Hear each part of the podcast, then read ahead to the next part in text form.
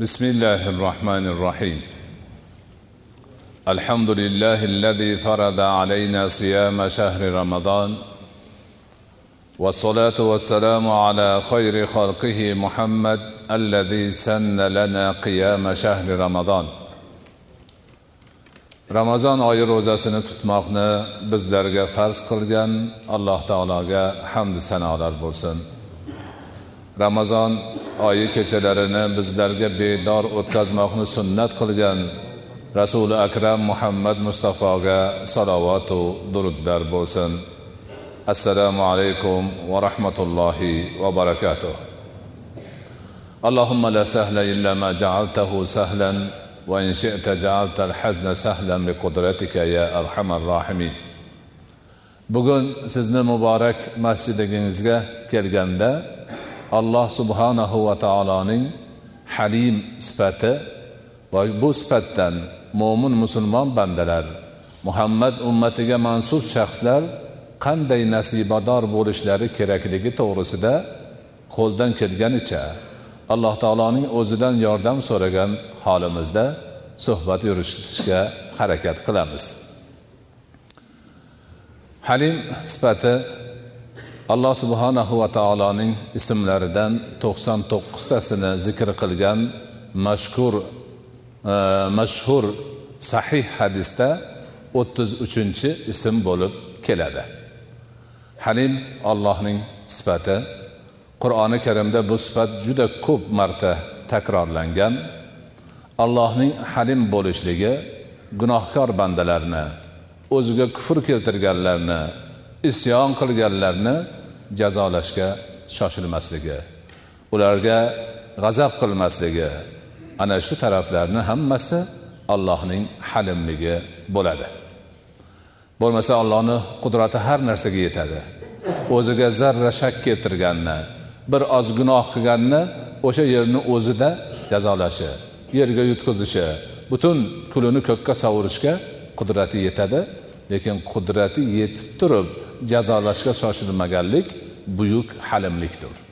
Allohning halimligi ana shunday o'ziga xos o'ziga mos o'zini jaloliga teng keladigan halimlikdir. Bu haqida odamlar tushunishi uchun ba'zi bir hikoya omiz e, hikmatli gaplarni ham aytiladi. Muso alayhissalomga odamlar juda ko'p ozor berganlar o'zlarini davrlarida. Juda ham qattiq azor chekkanlar. Shunda rozi aytgani allohni huzuriga borganda alloh mani mana shu tuhmatchi bo'xtanchi nobokorlarni malomatidan saqlagin. Manga juda ko'p ozor berishdi mani u deyishdi mani bu deyishdi degan shikoyatni aytgan ekanlar. Shunda alloh aytgan ekanki ey muso ular mani tinch qo'ymaydiyu sani tinch qo'yarmidi? Ha bandalar ollohga har xil gaplarni aytishadi. Nobokorlar hech narsadan qaytishmaydi. Ana shularni hammasini qudratli olloh jazolashga har lahzada imkoni bor zot yana qo'yib qo'yadi. Shoyat bular bir tavba qilsa shoyat o'zini o'nglab olsa imkoni boshqacha bo'lsa ma'nolari ana shunday. Endi mana shu halimlik sifatidan alloh taolo o'zi bandalarini ham nasibador bo'lishini iroda qilgan. Ana endi halim so'zi hilm maslaridan olingan. Hilm bir narsani oqilona shoshilmasdan qilish aybdorni jazolashga oshiqmaslik ma'nolarini bildiradi.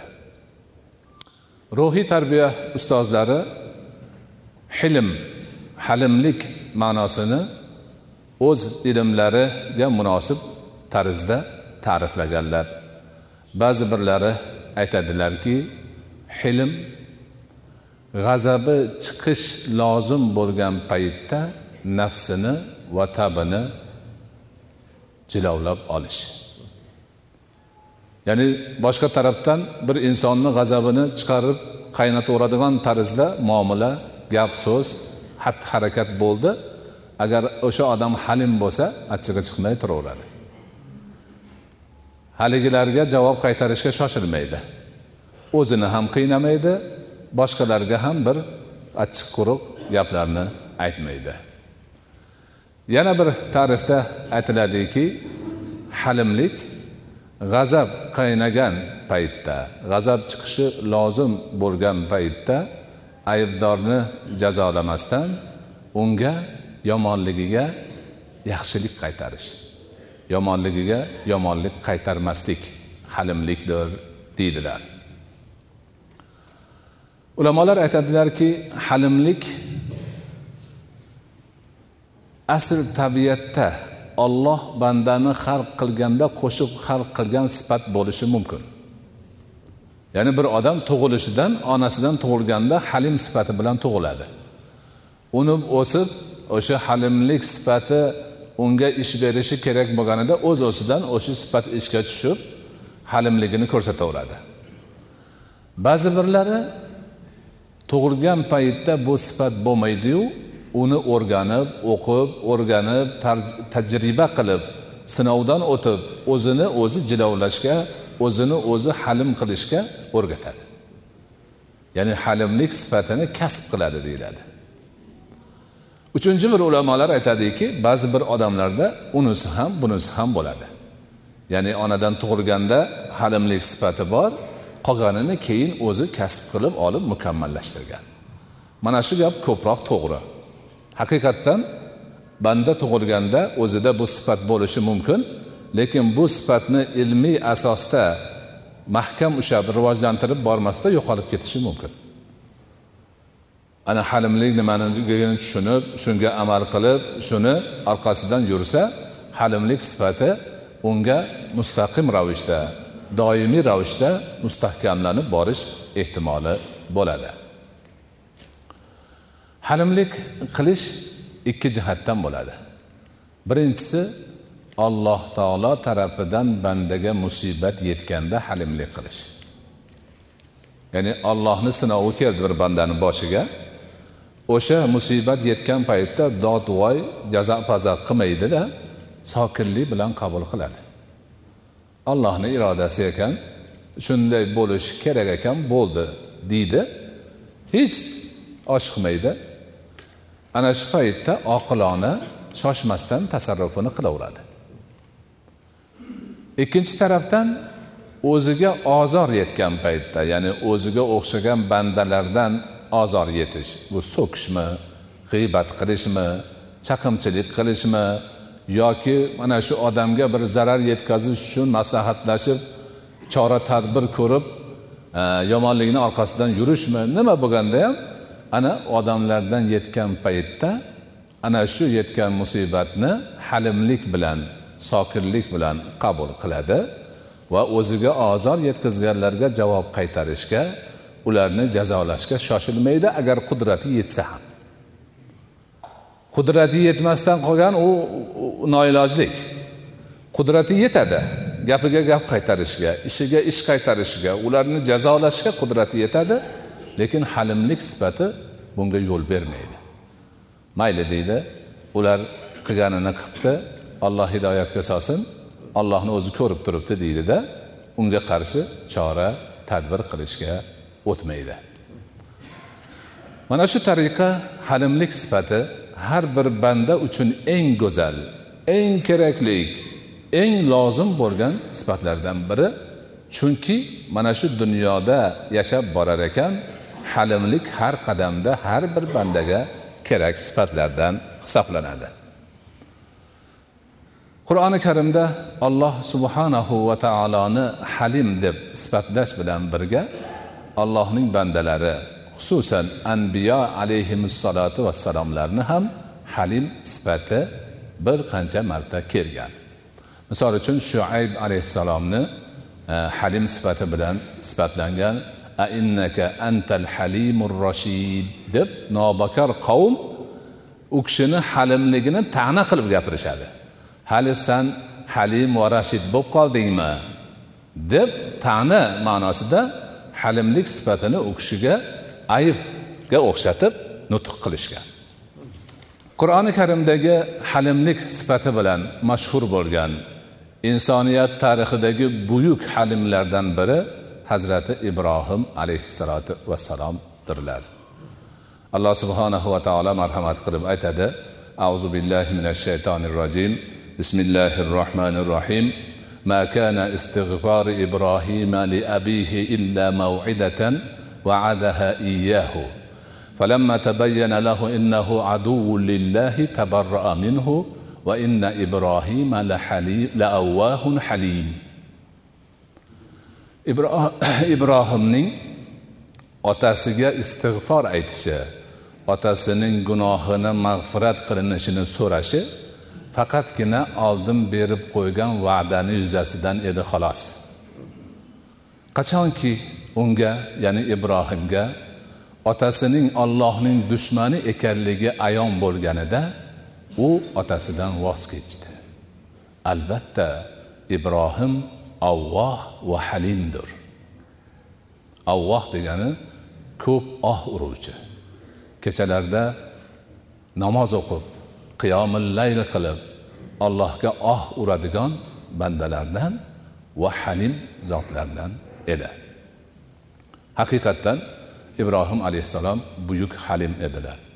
Qarang u kishi nabiy bo'lib kelsa otasi kufr qilib turibdida. Bundan ortiq musibat bo'lishi mumkinmi bir odamga? O'zini bolasi ollohning tanlab olgan payg'ambari bo'lsa ollohdan unga vahiy kelsa payg'ambarlik kelsayu ota kofir bo'lib tursa o'g'liga qarshi chiqib tursa bu albatta ibrohim alayhissalom uchun katta musibat. Nafaqat ota balki o'sha ibrohim alayhissalom nabiy bo'lib kelgan qavmni barchasi deyarli u kishiga kufr keltirdi ozor berdilar turlik kirdikorlarni qildilar. Oxiri borib manjanikqa solib katta gulxan yoqib gulxanni ichiga otdilar. Allohning amri bilan gulxan payg'ambar ibrohim alayhissalomni bardan va salaman ham sovuq ham salomatlik bo'lib kutib oldi. Podshoh qarshi chiqdi namrud. Boshqalar oxiri bo'lmasdan ibrohim alayhissalom jufti halollari bibisora onamiz bilan yurtlarini tashlab sarkardon bo'lib atroflarda yurishga majbur bo'ldilar. Umrlarini ko'plari ana shunday majburiy safarlarda o'tdilar. Bu yoqqa borib bu yoqqa kelib oxiri misrga borib qaror topdilar. U kishi misrga borganlaridan keyin gap tarqadi. Ho'p kanon tarafdan falon yerning odamlaridan bir musofir kelibdi. Ayoli bilan ekan ayoli nihoyatda go'zal xotin ekan. Bu gap borib borib misrni hokimiga yetdi. U fosiq odam edi. Haligi gapni eshitgandan keyin mehmonni olib kelinglar dedi. Maqsadi ayolni ko'rishu shu yomon maqsad. Bu ma'noni demak yuzaga chiqqanidan keyin olib kelishdi. Haligi podshoh yomon niyat bilan yurganda oyoq qo'li ishlamay qoldi. Tavba qildi tuzaldi. Yana yomon niyat bilan qadam bosmoqchi edi yana oyoq qo'li ishlamay qoldi. Bir necha marta shunday bo'lgandan keyin tushundiki bu mehmonlar oddiy mehmon emas. Bularda nimadir demak hikmat bor. Qandaydir fazilat bor. Qandaydir? Demak afzallik bor. Darrov o'zini o'rnadida xushmuomalalikka o'tdi xushomadga o'tdi. Ibrohim alayhissalomga ko'p sovg'alar qildi va bir hojar degan qizni ham berdilar. Ibrohim alayhissalom yurib yurib qarib to'qson yoshlarga kirib qolgan edilar. Yana qaytib borib demak hojar onamiz bilan farzand ko'rishdi. Farzandga nima? E, ismoil deb nom berishdi. Buni ham qur'onda aytiladi. Va basharnahu bi g'ulamin halim. Biz unga ibrohimga halim sifatlik o'g'ilni bashoratini berdik. Ota halim edi bola ham halim tug'ildi. Halimdan halim farzand tug'ildi. Ana ismoil alayhissalom hali tug'ilmasdan turun onasini homilasida paydo bo'lmasdan avval olloh u kishining otalari ibrohim alayhissalomga biz senga halim farzand beramiz deb bashorat berdi فلما بلغوا معه السعي قال يا بني إني أرى في المنام أني أذبحك فانظر ماذا ترى bola katta bo'ldi o'n uch yoshga kirdi deydilar Tafsirchilarimiz birga yurib ketishayotgandi ota bola to'qson yoshda o'g'il ko'rgan ulug' yoshdagi inson yagona farzandiga nima dedi? Man tush ko'rmoqdaman. Tushimda sani so'yaman. So'yayotganmishman o'zing bilasan bu yog'ini bir nazar sol dedi. Ya'ni to'qson yoshda farzand ko'rgan odam o'g'lini so'ymoqchi. Chunki tush payg'ambarlarga nisbatan vahiy hisoblanadi. Amr kelibdi. Halimligidan halimligidan. Ey robbim shu bolani zo'rg'a ko'rgan edim o'zing manga to'qson yoshda bergan eding shuni ham endi olasanmi demadi. Qabul qildi. O'g'liga aytdi man tush ko'rmoqdaman. Ko'rdim emas ko'rmoqdaman. Ya'ni bir necha marta takror takror tushga kirgan. Har ko'rganda o'g'lini so'yyapti. Ana endi o'g'liga xabar beryapti. O'g'lim man tush ko'ryapman tush ko'rsam sani so'yyapman. Fanzur maza taro nazar sol. Nimani deysan?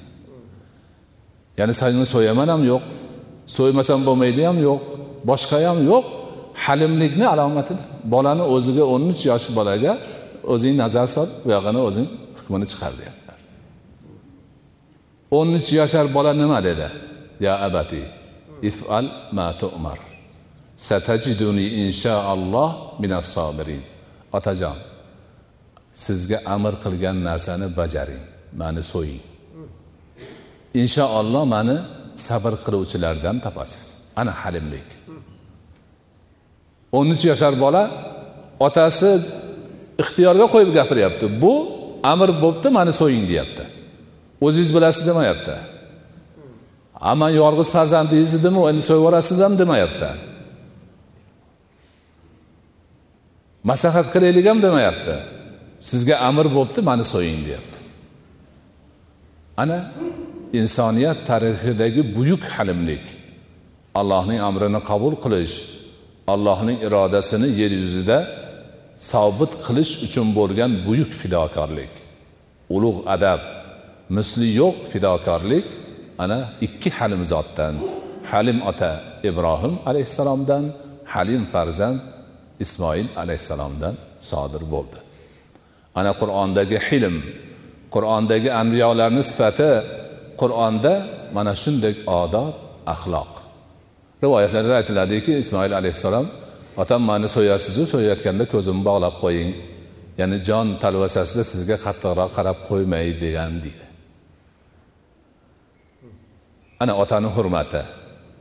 Ana otaning izzati. Ana farzandning odobi hilmi sabri hammasi mana shu qissada o'z aksini topgan. Bizning payg'ambarimiz muhammad mustafa sollallohu alayhi vasallam halimlarni imomi bo'lganlar. Halimlarning ustozi bo'lganlar halimlarning rahnomasi bo'lganlar. U kishini hilmillari oldida boshqa hilmlar bandalarni hilmlari ip esolmaydigan darajada bo'lgan. Siyrat kitoblarimizda u zot sollallohu alayhi vasallamning hilmlari haqida degan alohida boblar bor. Ana butun ummatga namuna bo'ladigan halimlik sifatlaridan ba'zi bir rivoyatlarni demak muhaddis ulamolarimiz siyrat ilmini imomlari keltirishadi. Shulardan birini imomi buxoriy imomi muslim anas ibn molik roziyallohu anhudan rivoyat qiladilar. Rasuli akram alayhissalotu vassalom bilan birga ketayotgan edik. U kishi arqog'i yo'g'on jundan to'qilgan qattiq chakmonni kiyib olgan edilar. Ya'ni qo'pol yumshoq emas. Yo'ldan bir arobiy sahrolik arab odam chiqdida rasuli akram alayhissalotu vassalomni o'sha qo'pol chakmonlarini yaqasidan tortib silkiy boshladi. Ey muhammad dedi manga ham ayt buyur mol berishsin dedi. Rasulullohni muborak bo'yinlariga haligi qo'pol matoni izi chiqib qizarib qoldi. Haligi qo'pol arab silkib silkib manga ham mol bersin buyurgin deb sansirab dahshat soldi rasulullohni qo'yib yubordi rasuli akram alayhissalotu vassalom bir tabassum qildilarda bunga ham mol beringlar dedilar. Boshqa hech narsa yo'q. Ana hilm hilmni eng go'zal namunasi. Hilm nima? Johilni jazolamaslikni turi u johil. Johillik qildi beodoblik qildi nobakorlik qildi nima qilsa qildi. Lekin rasuli akram alayhissalotu vassalom shuni qilganiga yarasha javob ham bermadilarda tabassum qildilar va so'raganini berdilar. Mana shuni hilm deyiladi. Rasuli akram alayhissalotu vassalom sahoba ikromlar bilan o'zlarini muborak masjidida so'zlashib o'tirgan edilar. Yana bir arobiy topir tupur qilib kirib keldida tikka turgan holda tahorat tushadi masjidni ichiga. Shunda sahobalar shiddat bilan turib uni siltay boshlashdi. Boshini tanasidan judo qilishga arzigulik ish qilgan gaplarini so'zlashdi qo'yib yuboringlar qo'yib yuboringlar dedi. Uni iflos qilgan joyiga bir paqir suv quyib qo'yinglar. San o'zing bu yoqqa kel bu yer masjid unaqa ishlarni qilib bo'lmaydi bu yerda dedilar. Ana hilmni go'zal bir namunasi. Hunayn degan joyda musulmonlarga katta o'lja tushdi. Juda ko'p. Rasululloh o'ljani taqsimladilar. Taqsimlash paytida bir kun ikki kun oldin islomga kirgan makkaliklarga ko'p berdilar. O'zlari boy lekin ko'p ko'p narsalarni beryaptilar taqsimlab beryaptilar. Ansoriylar chetda turishibdi. Shunda ulardan biri aytdiki bu taqsim adolatli bo'lmadi. Bu taqsim adolatli bo'lmadi. Bular kechagina biz bilan urushib turgan edi bugun bunaqa narsalarni olishyapti degan gapni aytdi. Shunda yosh sahobalardan bittalari bu gapni eshitib rasuli akram alayhissalotu vassalomni huzurlariga borib bo'lgan gapni yetkazdi. Shunda rasululloh bir oz to'xtab turdilarda man adolat qilmasam kim adolat qiladi? Alloh adolat qilmasa kim adolat qiladi? Alloh musoni rahm qilsin bundan ko'ra ko'p ozor qilgan ediyu sabr qilgan dedilar. Muso alayhissalomni o'zlariga o'rnak qilib achchiqlari chiqib haligi odamni jazolashga o'tmadilar. Manga yetgan bu ozordan ko'ra musoga kattaroq ozor yetgan ediyu faqat sabr qilgan edi man ham sabr qilaman dedilar. Ana halimlikni go'zal namunasi. Haligi odam tushunmagan edi bilmagan edi noto'g'ri qilgan edi. Rasulullohni qilgan ishlari hikmat edi. Shuning uchun aytdilarki aytinglar ansoriylar to'plansin. Madina aholisi tub aholisi o'zlari to'plansin. Ularga biror kishi boshqa odam qo'shilmasin dedilar. To'planishib bo'lib xabarchi keldida to'planib bo'ldik hammamiz dedilar. Borib hammangiz ansoriymisizlar yoki begona ham bormi dedilar. Mana u yigit singlimizni o'g'li deyishdi. Ya'ni singlimizni o'g'li bizdan bo'ladimi yoki chiqib turishi kerakmi? Otasi bizdan emas. Degdi qavmni jiyani o'zidan bo'ladi turaversin bola dedilar. Keyin o'tirib gap boshladilar. Ana shu bo'lgan norozilikni sababini tushuntirish uchun. To'g'ri o'lja bor edi. Bular yangi musulmon edi. Hali islom qalblarida uncha o'rnashgan emas edi. Shuning uchun bularga man saxiylik ko'rsatib islomning farzini ko'rsatib moli dunyo berib qalblarini ulfat qilish niyatida qilgan edim. Sizlar esa sizlar esa mani yaqin do'stlarim sizlar ansorim sizlar. Sizlarga shuning uchun bermagan edim. Aytinglarchi mana shu yerdan mana shu yerdan odamlar molu dunyo bilan ketsayu sizlar ollohni rasulini olib ketsanglar rozi bo'lmaysizlarmi? Ular pul mol tuya qo'y olib ketishyapti. Sizlar rasulullohni olib ketyapsizlar. Yig'lamagan odam qolmadi. Hamma yig'lab deydi ko'zini yoshi soqolini ho'l qildi deydi. Bunday buyuk hikmatni haligi bechora ansoriy tushunmagan edilar. Shuning uchun rahbarlardan ba'zi bir demak e, tasarruflar chiqsa zohirida qandaydir g'alati ko'rinsa bu yoqda turganlar norozi bo'lmasligi kerak chunki kattalar ko'p narsani biladi. Rasululloh ana ana shunday ishlarni qilganlar. Mana halimlik sifati rasuli akram alayhissalotu vassalomni siymolarida shunday tarzda ko'rindilar. Sahobalarda ham shunday bo'ldi. Islom ummatini ichida halimligi bilan mashhur bo'lgan zotlar nihoyatda ko'p.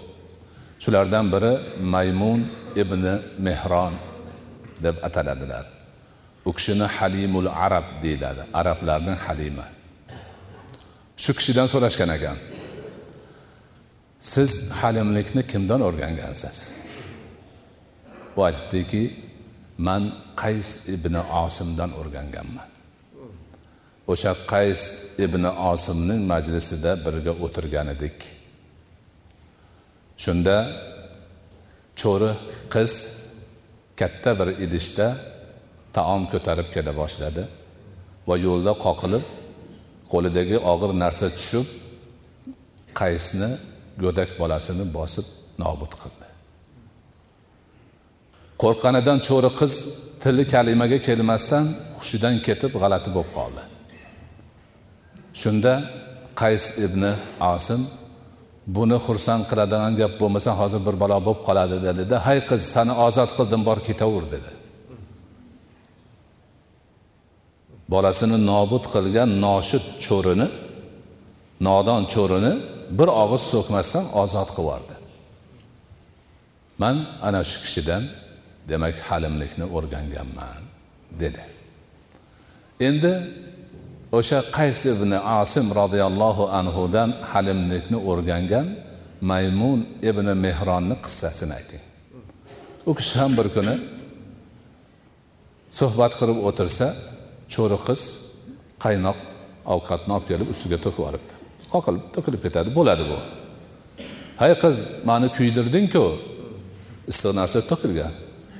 Desa haligi qiz e, o'sha oilada o'sgan ilm ma'rifati bor. Ey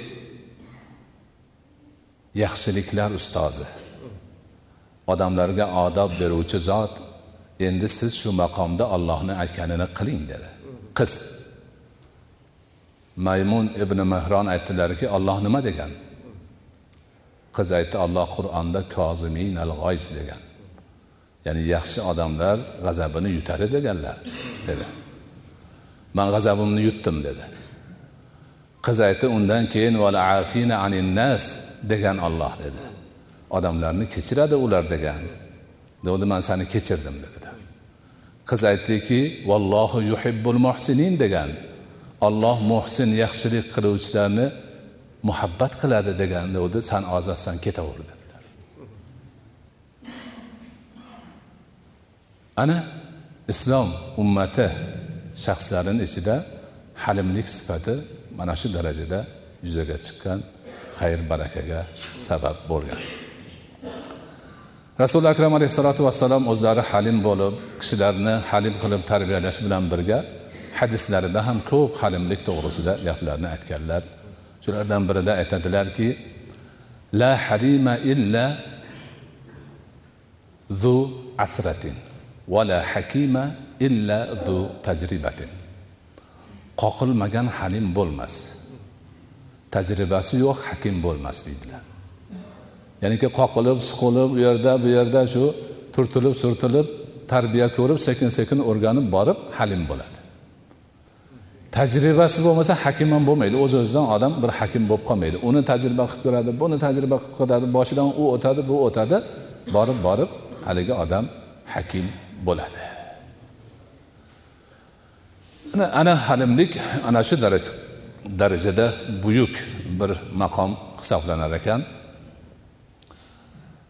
Rasuli akram alayhissalotu vassalom bir hadislarda aytadilarki oxiri zamon bo'lganda bir odamlar chiqadi. Din bilan dunyoni talab qiladilar. Ya'ni dinni yuzasidan dunyo to'plashga o'tadilar. Odamlarni ko'rganda qo'yni terisini yopinadilar. Ya'ni odamlarga qo'yday bo'lib ko'rinishadi yuvosh. Tillari qanddan ham shirin. Ammo qalblari bo'rini qalbidek. Ichi chatoq bo'ri. Ko'rganni g'ajishga o'tadi. Sirtidan qo'y tilidan shakar tomib turibdi.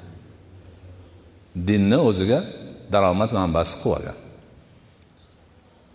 Ana shunday bo'lganda deydilar rasululloh alloh taolo ularni o'zlarini bir fitnaga uchratadiki o'sha fitnadan ulardan eng halimi ham hayron qoladi.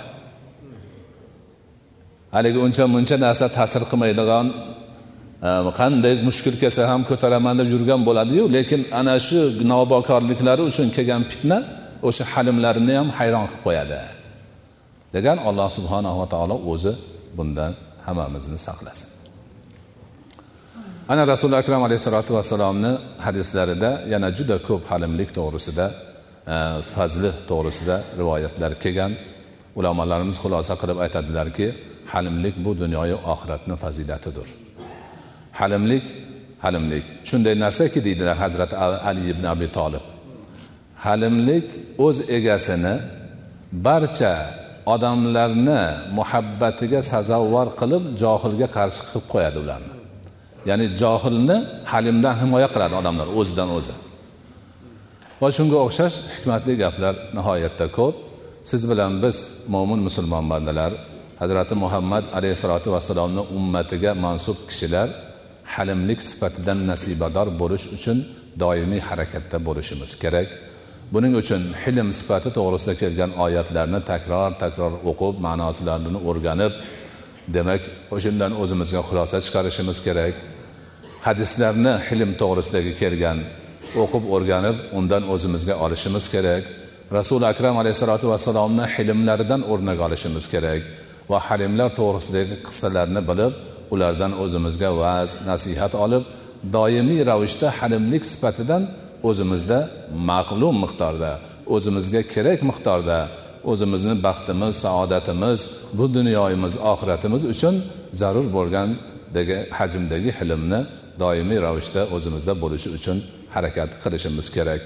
Alloh subhanahu va taolo barchalarimizni o'zining halim sifatidan nasibador bandalaridan bo'lishimizni o'zi yordamchisi bo'lgan bo'lsin.